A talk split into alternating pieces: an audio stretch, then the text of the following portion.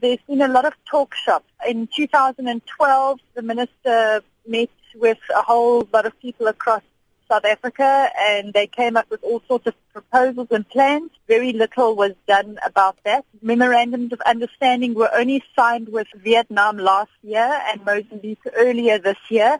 I don't understand why there are those delays and also the things that are included in those memorandums of understanding are actually very vague and they are not tough enough to deal with the crisis. Stander sê haar ondersoeke toon dat beweringe oor oorgrenspolisieering wat deur die nasionale polisiekommissaris gemaak word, onwaar is en dat dit in werklikheid nie doeltreffend plaasvind nie omdat daar geen ondersteuningsstelsel in plek is nie. There was a statement made by the Commissioner of Police on Tuesday saying that they have an agreement for hot pursuits. Now, a hot pursuit means that if a criminal is getting away and they cross a boundary or a border or anything like that, there is an agreement in place that I don't have to ask for prior permission or anything like that. I can go and pursue that criminal or that suspect and apprehend them. The people have said that there has been absolutely no such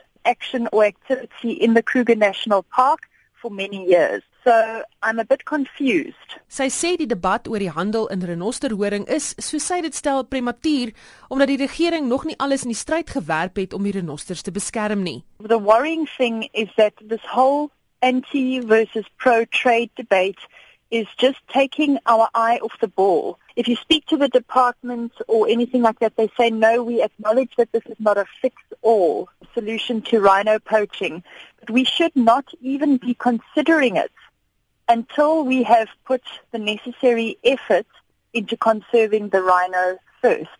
And there we have failed, and we have failed dismally. Stander sê alles dui daarop dat korrupsie op eie bodem deel vorm van die stropery probleem. So there's an indication, not an indication, but there's certainly corruption going on. Where?